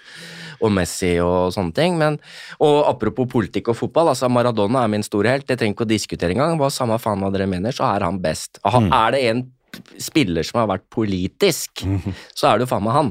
Altså bestekamerat med Castro, liksom, og Tattis med Skjeggevara, liksom. Altså, hallo. Og jukser mot England. Ja, det var noe, noe av det beste Ja. som har skjedd ever. Altså. men, så det, men jeg tror, for meg så er i hvert fall sånn som det ser ut på papiret nå, den mest interessante kampen er Iran-USA. Ja. Yes, der er jeg enig. Helt enig. Og um, en ting jeg har lært mens jeg har sittet her i kveld, er jo at uh, jeg er jo også enig med dere begge i at fotball, nei, eller politikken burde ut av fotballen. Men samtidig, og dette er jo nesten livsgrunnlaget for podkasten også, er jo den der fascinasjonen jeg har for eh, politiske Utenom, ja, ja. gjennomstrømninger i fotballen. Og eksempel Iran-USA det er jo et oppgjør som får tenna mine til å løpe i vann, ikke sant? Men du, du, du skal se fotball-VM, skal du ikke det? Fordi jeg har hørt noen rykter om at du ikke skulle se det. Ja, nei, jeg har litt samme følelsen som Andreas. At eh, det, det er ikke en boikott aktiv fra min side, men jeg bare har ikke følelsen. Og jeg har ikke vært interessert, jeg veit ikke hvem som er i gruppe med hverandre. Og det at det skulle starte allerede på søndag, lærte jeg helt seriøst i dag. Jeg trodde det var kanskje en gang i neste uke. Du, jeg vil Så- rydde opp i den boikottdebatten. Fordi at Ja. vi bruker boikottbegrepet feil. Ja, det gjør vi. Ja. Boikott er hvis Norge ikke hadde blitt med i VM, altså som fotballag. Altså hvis man hadde, Det hadde blitt ja til boikott, og de ikke hadde stilt opp, det hadde vært en boikott. Mm. At jeg ikke ser på TV, det er ikke noe boikott. Det er bare at jeg ikke ser Du på velger det bort. Velger det bort. Det er Mm. ikke noe boikott. Altså, man må ikke bruke det boikott-ordet der. Så eh, for å svare deg, Josef, så har jeg per nå ikke noen planer om å se VM. Seriøst? Du skal ikke se VM i? Nei, nei, nei, jeg har ikke planer om det akkurat nå. Mm. Eh, litt sånn som med VAR i Eliteserien neste år også. Jeg er litt sånn her, jeg skal faen ikke ha sesongkort på Åråsen. um, Det skal ikke jeg heller. Jeg er faen ikke jeg heller, så der, der, der er vi enige. For min del, altså. nå mister jeg sikkert flere hundre lyttere, men, men, men sånn, når, når VM begynner um, så har jeg, Det går på NRK og TV 2, ikke sant? Ja. Og IPTV. Ja. Og IPTV, i hvert fall ja, der. vi må snakkes etter sending, Ja, ja, ja. for du må hjelpe meg litt der. Men, Jeg har noen. Eh, for jeg har jo NRK-appen, men jeg har jo um, tilfeldigvis uh, egentlig ikke um, TV2-abonnement for tida. Uh, som gjør at um, så lenge jeg ikke kjøper det i løpet av VM, så er det jo håper å si, lett å velge bort halvparten av kampene. Mm. Men hva som skjer når det går en uh, tilsynelatende fet kamp på NRK, og jeg sitter der med fritid, så skal ikke jeg si her og nå at jeg kommer til å ikke sette den på. Mm. Men, uh, men jeg, har, jeg er ikke gira. Jeg- Men den der Iran-USA-kampen er bare politikk. Ja, det er nettopp det, og det, Mm. det var det jeg egentlig var i ferd med å si Og det som er greia nå, er at det er revolusjon, i hvert fall tendenser i Iran. Ja, ja, Mm. Og det støtter USA. Og det støtter vi alle. Ja. Altså, det Og hva kommer til å skje da med dekninga og på banen? Altså, i 98 så spilte de jo også. Ja. Og da hadde de jo lagbilde sammen. I hvert fall de hilste på hverandre. ja, Eh, og da var jo til og med dommeren fra Sveits. Stemmer det, for, for, fordi de måtte ha en eh, Ja, For da var ikke medlem av FN, F... Det, ja, var ikke Sveits, det. er medlem nå, men de var ikke det da. Stemmer Ulf det. Maier. Stemmer det. det var Eh, og sånn at det er så mye politikk i den kampen. Og da, Josef, Ja. da kan du faen ikke komme og si at politikken er med i fotballen, altså. Nei, vet du hva? Jeg, jeg er så glad for at Iran og USA eh, møtes i samme gruppe. Jeg, jeg, den kampen gleder jeg meg veldig til. Jeg gleder meg veldig til å se England drite seg ut igjen, som de alltid gjør. På straffekonk. Helst på en sånn derre På den kjipeste måten ever. At britene bare ryker ut. Og få juling utafor stad... Nei, eh, eh, som komiker så er det lov til å kødde litt, grann, men eh, så klart jeg mener ikke noe for vold, selv om dette er pyro og pivo og, det er stedet for å snakke om uh, fotball-casuals og sånn. Men, men eh, det gleder jeg meg veldig til. Å se britene ryke ut På juling.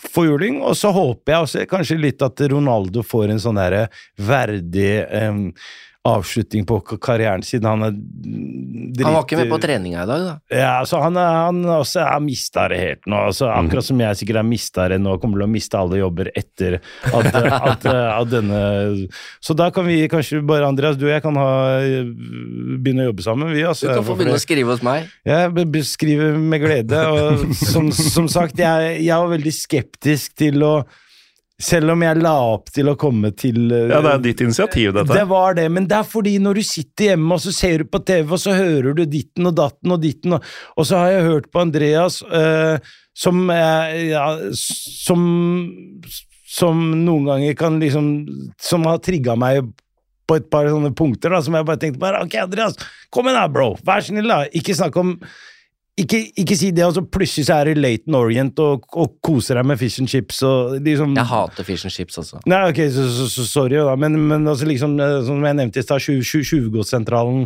eh, britiske museum, som har bare bøffa ting fra altså, ba, bare sånn, la oss bare, la oss bare være mer åpne, la oss ha dialog, la oss kose oss. Eh, nå er, var egentlig muligheten for at eh, verden samles. Heldigvis så er i Afrika så er dette noe de har gleda seg veldig til.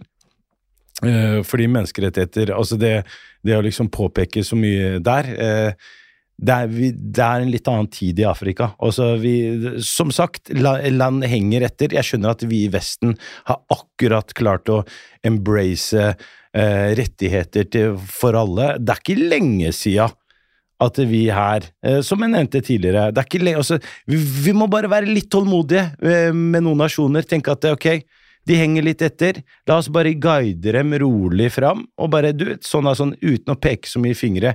Spesielt de stedene som Spesielt de landene som eh, har skapt mye faenskap. De burde egentlig bare shut the beep. Ja, nå passer du kjeften. Ja. ja altså jeg, nå, nå, fordi nå, nå, våkna jeg, for jeg, som sagt, jeg ligger i koma i fire dager. Jeg har ikke snakka med noen. Eh, jeg har så vidt spist, og jeg kom rett hit. Og nå angrer jeg egentlig på det. For nå har jeg våkna og tenkte bare Hva er det jeg driver med nå? Uh, hvorfor er jeg her? Men, men, som sagt, jeg har fått sagt det mitt. Jeg, jeg, har, fått, eh, jeg har fått fortalt min bakgrunn, hvorfor eh, jeg er her, og hvorfor fotballen har vært så viktig for meg. Og at det har vært et, et sted der hvor Når du klarer å få utlendinger, marokkanere, vietnamesere, etniske nordmenn, nynazister, jihadister til å spille sammen det er jo medisin! Det er, det, det er, der vi skal ligge. Det er der Bare la oss bare prøve å finne ut av ting ved å spille ball. Fotballen er jo en av de beste brobyggerne som fins. Eh, men de som bygger den brua for tida, de eh, bygger nedover og bortover og det, De skal ikke over noe jævla elv. Så eh, Andreas, du må fortsette å um, fucke opp i Altså stikke kjepper i hjula for uh, Fifa. Eh, og Uefa. Ja, helt enig. Josef, du må fortsette å slenge med leppa og påpeke urettferdigheter og urettmessigheter. Jeg, jeg vil helst bare lage humor av å være en brobygger der, for fordi humor er også en brobyggende. Altså, sånn at det for meg eh, med svart humor, eh, det, det, det, å kunne se liksom folk fra forskjellige nasjoner altså bare le av de samme tingene, for meg er det det er, min, det er mitt mål her i livet, da. Vet du hva jeg kom på nå? Nei. Jeg satt i en fellestid på skolen jeg jobber på for et par år siden. Eh, foran kollegiatet ja. og refererte til svart humor på akkurat den måten. Eh, som eh, en måte å på en måte fjerne Altså vise forskjellene, men også ufarliggjøre dem. Mm. Um, så det Nei, beste episoden her er jo fra garderoben på Haraldløkka. Ja, så hvit versus brun. Så, altså, så, jeg håper at etter dette her at jeg fortsatt kan kan fortsatt jobbe ha jobb og fortsatt kan uh, så, så, så, jeg beklager litt til mine kollegaer i NRK, som jeg bare hang ut litt i stad fordi de beklaga seg. Men som sagt, eh, jeg er litt sånn slow starter, og så angrer jeg litt sånn utover kvelden. Bra. Han blir ikke anmeldt til politiet nå? Nei. Um, Men kanskje du blir det, bro, som starta med in the, in the, blue corner. Du burde ja, starte med blue and red corner. Ja, men jeg ser så lite boksing, vet du. men, så, det er ikke det lyse hjørnet og det mørke hjørnet, bro. Det er, det... Vet du hvor jeg hadde det fra? Nei. Uh, nå må du legge ut på Facebook. fra, fra, South Park, jeg tror det er sesong én, sånn tilbake på 90-tallet. Uh, eh, hvor da Jesus og Satan skal bokse mot hverandre. Okay. Og da sier han 'in the light corner and in, in the very, very dark corner'. Så jeg er Satan, med andre ord. det er du. Det går greit for den. Jeg hjelper ikke min egen sak nå, merker jeg. Jeg vet hva, jeg, Morten, jeg er glad i deg uansett. Og Andreas, du er, du er virkelig en, en Altså, det, det, du gjør på Bøler, du er en Hva heter det for noe? En uh, fuckings ildsjel. Og jeg hører masse godt om deg. Det at dere deler ut kakao og toddy og passe på kidsa der oppe. Ingenting gleder meg mer enn å se at Bøhler er tilbake der det skal være. Eh, fordi det var en periode, en liten dupp der, eh, fra jeg vokste opp til, eh, til nå. Og der veit jeg at du har vært med og bidratt masse, og det er jeg veldig glad for. Så, så, sånn at eh, Aldri tro eller tenk at jeg er eh, forbanna på noe som helst måte, eh, men men bare noen ganger, bare liksom ta en liten rolig titt borti gata der, og titt litt sånn over til, til høyre og venstre. og ikke bare rakt fram. Men uh, før vi avslutter, dere er, jo, dere er jo to menn med en del eh, jern i ilden. Er, noe- er det noe du, Josef, driver med nå som du vil uh, ha ut til eh, folket? Eh, Annet enn at du reiser Jeg jobber litt i det skjulte nå, med, med, med noe humorgreier som, som jeg egentlig ikke får lov til å snakke så veldig høyt om ennå, i hvert fall. Eh, så får vi se om det fortsatt gjelder etter eh, denne kvelden her. Eh, så, men jeg kommer til å fortsette med å bidra med å prøve å glede det norske folk. Eh, jeg har skjønt at jeg kan aldri bli hele Norges Josef Hadaoui, men halve Norges Josef Hadaoui, fordi halve befolkningen halve kongeriket? Halve, konger, eh, halve befolkningen er tydeligvis halve rasister. Så, så, etter å ha lest kommentarfelt de siste dagene. Så, så, men men prøv å tenke positivt. Eh, humor er viktig. La oss eh, glede folk. Eh, jeg skal prøve å spre, spre kjærleik og humor. Nydelig. Eh, og i mellomtida, før dette hemmelige prosjektet kommer eh, ut, så kan man jo lese hva du syns om forskjellige pizza- og kebabsjapper i, i byen på Utrop, er det det? Ja, utrop.no. Eh, Andreas, vi var innom det i starten, at eh, du har jo en splitter ny eh, dokumentar eh, ute. 'Kampen om sannheten'. Mm. Fotball-TV, stream, Riks-TV. Um, Kult. Gratulerer med det. Før, førpremiere for en drøy uke siden mens vi sitter her nå. Jeg gikk jo strålende. Jeg var jo på den selv. Um, den må folk se.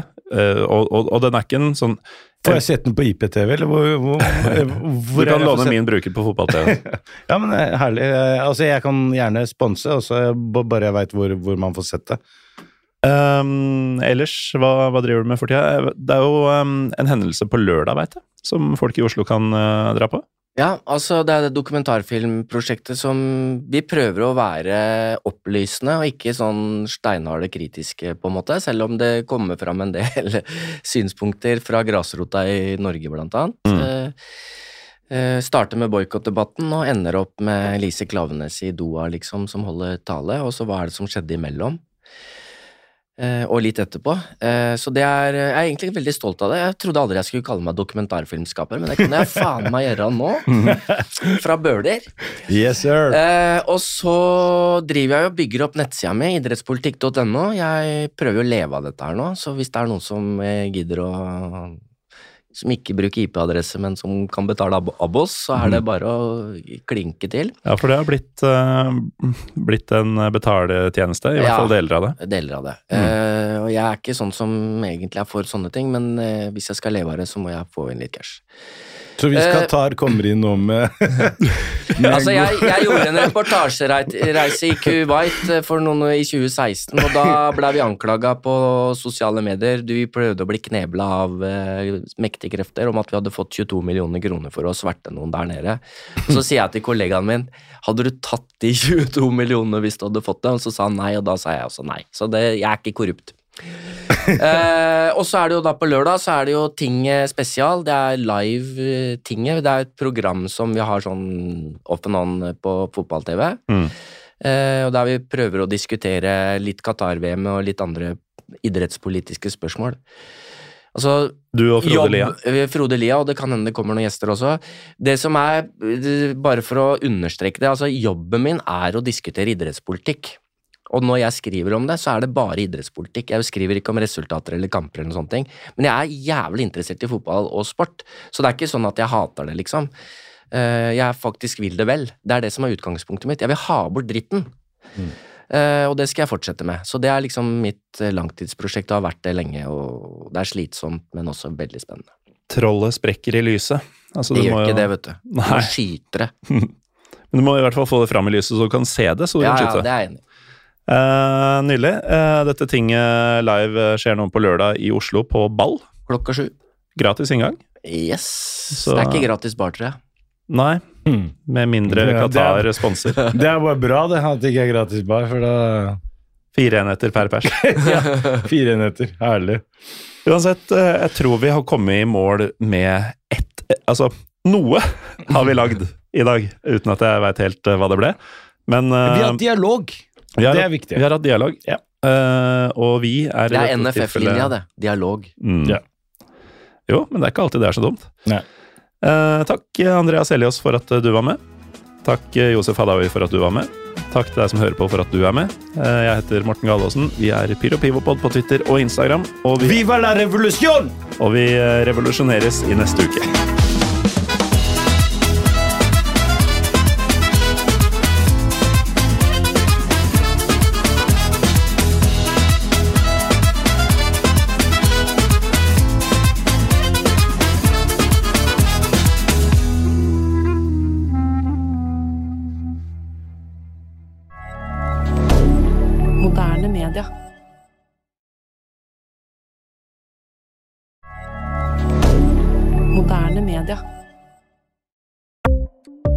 Ukens annonsør er HelloFresh.